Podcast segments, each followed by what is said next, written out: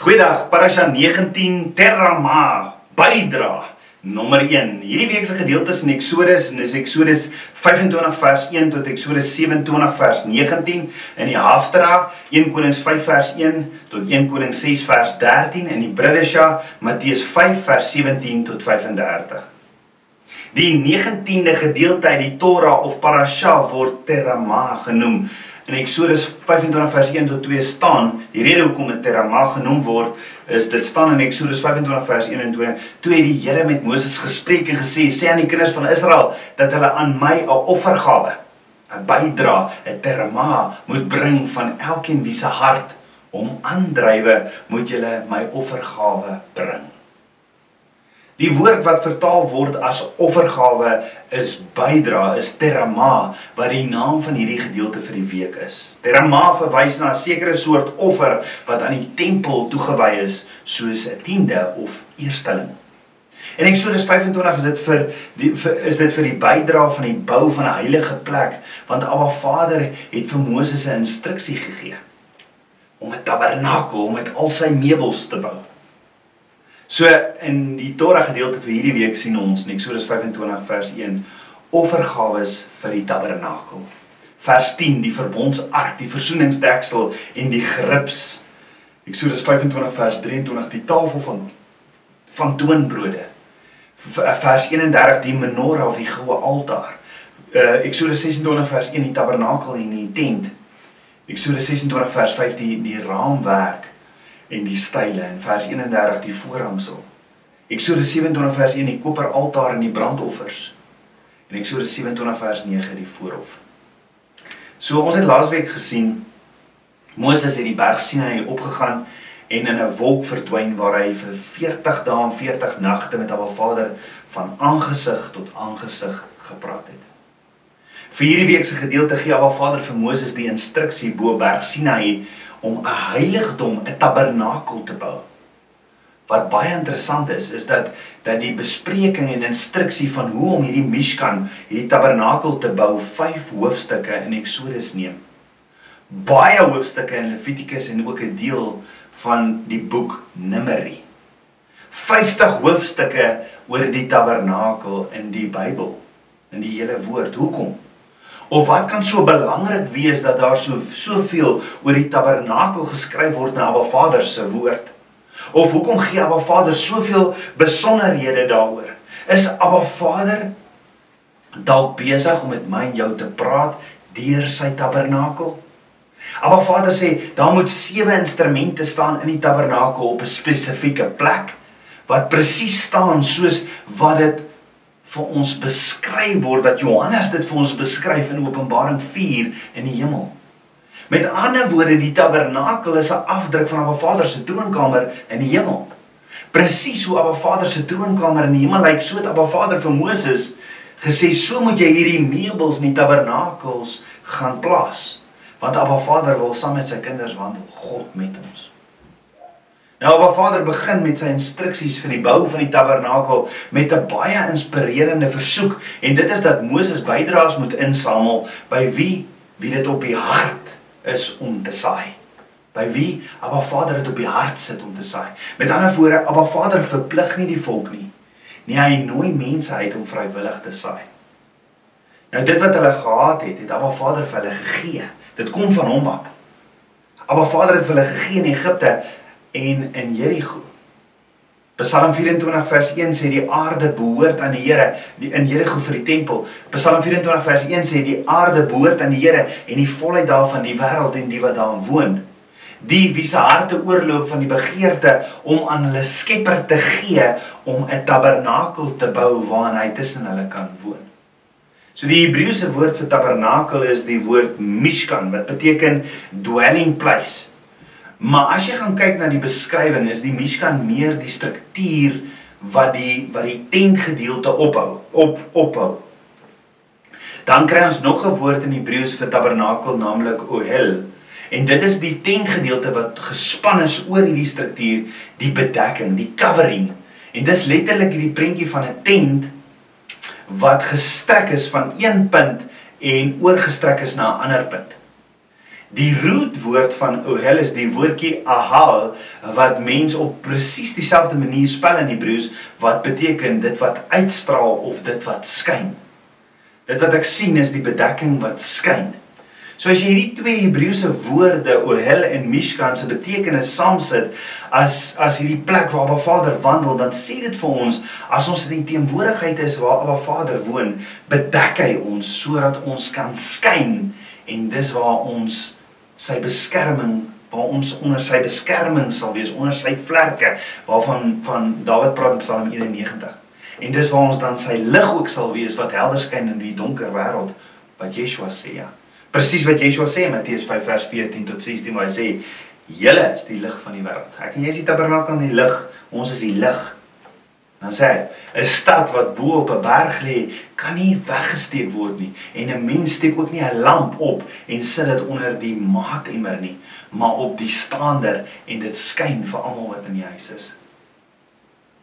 Dan sê Yeshua, laat jou lig so skyn voor die mense dat hulle jou goeie werke kan sien. Jy word nie verlos deur hierdie goeie werk nie, maar Yeshua sê dat hulle jou goeie werke kan sien en julle Vader wat in die hemele is verheerlik. Maar Vader sê vir Moses in Eksodus 25 vers 8 tot 11, ook moet hulle vir my 'n heiligdom maak dat ek in hulle midde kan woon. Volgens alles wat ek julle laat sien, die voorbeeld van die tabernakel en die voorbeeld van alles wat daarbey behoort, so moet julle dit maak. Hulle moet dan 'n ark van akasia hout maak. 2.5 L met 2.5 L moet sy lengte en 'n ander half L sy breedte en 'n ander half L sy hoogte wees. En jy moet dit oortrek met suiwer goud van binne en van buite moet jy dit oortrek. En jy moet daaraan 'n goue kraans maak rondom. Met ander woorde alles eh, met ander woorde agter hierdie voorhangsel in die allerheiligste hierdie verbondsark gestaan en dis waar Abba Vader saam met sy kinders gewandel het. En dit gaan alles oor Abba Vader in hierdie hele tabernakel eh, is 'n prentjie van hoe ek en jy ook vandag saam met Abba Vader kan wandel in intimiteit. En dis hoekom Vader sê, hy wil vandag ek en jy mos nou vandag die tabernakel waar binne hy lewe. So dit wat hy vir ons in sy woord skryf oor die tabernakel is hoe ek en jy moet lewe vir hom sodat hy binne ons kan lewe. Dis in hierdie allerheiligste waar die hoëpriester in die tabernakel een keer 'n jaar kon ingaan met die dag van verzoening of Yom Kippur om die bloed te gaan sprinkel en verzoening te doen vir die volk. So die eerste ding wat Abba Vader vir Moses sê om te bou is die ark wat in hierdie allerheiligste staan. Dit is egter 3 daar is egter 3 arke in die woord van Abba Vader. En as ons na hierdie drie arke kyk, sien ons hierdie amazing prentjie. Hoor gou-gou, die eerste ark was Noag se ark. Dit sien ons in Genesis 6 tot Genesis 9. En Abba Vader sê vir Noag in Genesis 6 vers 14, met afdelings moet jy die ark maak en dit binne en buite met pik bestryk. Onthou die ark het Noag en sy familie gered, né? Noag se ark het verlossing gebring vir Noag en sy familie. Hulle was 8 mense en diere wat ingegaan het. Hulle was gered van die wateroordeel wat die aarde getref het met hierdie vloed. Dan die tweede ark wat die wat wat die wat die woord ons van vertel is die ark van die Bessie mandjie van Moses. Eksodus 2 vers 2 tot 4. Maar Vader sê met die tweede ark in Eksodus 2 vers 3, maar toe sy hom nie langer verborge kon hou nie, Moses se ma, het het sy vir hom 'n mandjie van bessies geneem en dit met lijmgrond en pik bestryk en sy het die seentjie daarin neergelê en dit in die riete aan die kant van die Nyl gesit. In Hebreëus is hierdie bessie mandjie dieselfde ark. Hebreëse woord tabah as die ark van Noag presies dieselfde prentjie. Al drie dis die dis die ark van Noag en hierdie hierdie bessie mandjie hierdie ark waarin Moses Moses was. Ook met pik gesmeer aan die binnekant en aan die buitekant. Moses was binne gesit om gered te word van die ook van 'n wateroordeel wat op daardie stadium die aarde getref het want Farao het gesê al die Hebreëse seentjies wat gebore word moet in die Nyl gegooi word. So Moses was gered, hy was verlos. So daar was iets wat gebeur het in hierdie beide hierdie arke wat dit waterdig gemaak het wat lewens gered het. En dalk as as hulle nie hierdie pik opgesmeer het nie, was daar gaatjies in en dan sou hulle gesterf het, want dan sou water deurgesuiwer het. Maar waar Vader het 'n plan in dit alles. Die derde ark was die verbondsark in die in die allerheiligste in die tabernakel, selfs later in die tempel in die tempel. En Abba Vader sê vir Moses, doen presies wat ek vir jou sê met die verbondsark en dan sê Abba Vader, seël dit ook met pik. So, hoor gaga. Gaan kyk jy na die Hebreëse woordjie vir hierdie pik, dan is dit die Hebreëse woordjie kafar wat beteken atonement, mercy and forgiveness. Met ander woorde, dis verzoening, genade en vergifnis wat al drie hierdie arke geseël het en lewens gered het. Amazing is dit? Dan die verbondsark het bestaan uit twee dele, 'n boks en 'n versoeningsdeksel. Die boks was van akasia hout en shittenhout gemaak. Akasia hout in Hebreëus shittenhout en is oorgetrek met suiwer goud. Hout oorgetrek met suiwer goud is die prentjie van Yeshua wat 100% mens was en ook 100% God was.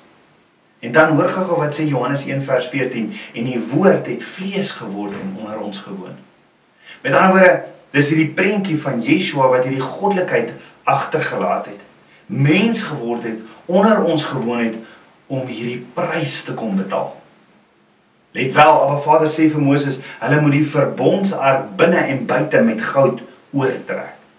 As jy dit as jy dis na die boks kyk, sien jy goud As jy as jy kyk nou met sekere oë, sien jy goud, hout, goud.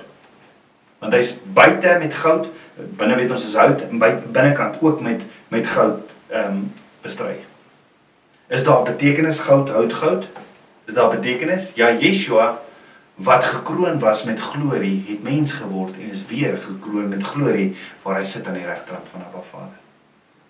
Binne in die verbondsark was die kliptafels die goue potjie met manna in en die staf van Aaron. Die versoeningsdeksel bo op die verbondsark was 'n suiwer, die versoeningsdeksel bo op die verbondsark was in suiwer goud gegiet en het 'n kroon reg rondom gehad. Nou die versoeningsdeksel is hierdie hierdie plek waar die hoëpriester eenmal 'n jaar die bloed besprinkel het vir die versoening, die atonement offering vir die volk. Die hoëpriester kon die allerheiligste ingaan Hy kon nie die allerheiligste ingaan sonder die bloed om dit daar 7 keer te besprinkel nie. Hy moes ingaan met die bloed. En wat sê Yeshua? Yeshua sê in Johannes 14 vers 6: Ek is die weg en die waarheid en die lewe en niemand kom na die Vader behalwe deur my nie. Vandag ook. Ek en jy kan nie na 'n Vader se teenwoordigheid ingaan sonder die bloed van die lam nie. Dis deur genade dat ons die ewige lewe kan kry, maar as ek nie verstaan dat ek met die bloed van die lam moet ingaan nie deur gehoorsaamheid en in verbond deur die prys wat betaal is, dan het ek 'n groot verrassing wat vir my verwag, wat vir my wag. Yeshua sê Matteus 1 vers 14, want die poort is nou en die pad is smal wat na die lewe lei en daar is min wat dit vind. So dink gou daaroor. Jy is hierdie hoofpriester in die allerheiligste en die plek is vol van hierdie wierook. Jy's nou in hierdie plek waar die volk elke dag die wolk en die vuur kolom gesien het. In hierdie plek waar waar Vader vir jou sê in Deuteronomium 31 vers 6, want dit is ek die Here jou God wat saam met jou getrek, wat saam met jou trek, ek sal jou nie begewe en jou nie verlaat nie. Jy's in hierdie plek waar Abba Vader wandel en jy sien jouself op hierdie grond neerbuig voor Abba Vader, want jy dien die God wat hierdie 10 plaae gestuur het oor al hierdie ander gode wat die wat die Rietsee oopgekloof het, wat water gegee het waar die water bitter was. Wat op hierdie berg, hierdie hierdie berg Sinaï, hierdie rook met donder weer en vuur op was. Jy's neergebuig op hierdie plekkie in hierdie plekkie waar Abba Vader saam met die volk wil wandel. Jy's op jou knieë want jy weet jy's by die Skepper van hemel en aarde wat hier woon, eh, wandel want hy wil wandel op hierdie versoeningsdeksel agter die vlerke van die engele om by jou te wees. En hoe amazing is dit nie om by Papa God in sy teenwoordigheid hierdie bloed van lam in te kan gaan nie. Die vraag is is dit hoe my en jou stilte tyd elke dag lyk? Want ons kan elke dag voor Abba Vader in sy teenwoordigheid gaan kniel deur die bloed van die lam. Want die prys is reeds betaal. Kom ons bid saam. Abba Vader, koning van my hart. Vader, ek loof en ek prys U. Vader, ek wil U prioriteit in my lewe maak. Ek wil met U praat, Vader. Ek wil my gebedslewe 'n prioriteit maak. Soos Daniel. Ek wil dit nie meer verder afskep nie, Vader. Ek wil voor U kom kniel. Ek wil met U praat. Ek wil U my hart deel. Ek wil woord tyd in die woord spandeer. In U teenwoordigheid spandeer sodat ek U stem kan hoor. Ek wil U ken in alles sodat U my baie gelyk kan maak. Want ek wil in verbond saam met U wandel. Dankie dat ek U kan nader. Dankie, dankie dat ek U kan nader deur die bloed van die lam. Dankie Vader. Vader, ek wil U ken in alles en doen en gaan waar U my lei. Meer en meer van U. Ek bid dit alles in Yeshua Messie se naam, die seun van Jahweh. Amen. Shalom.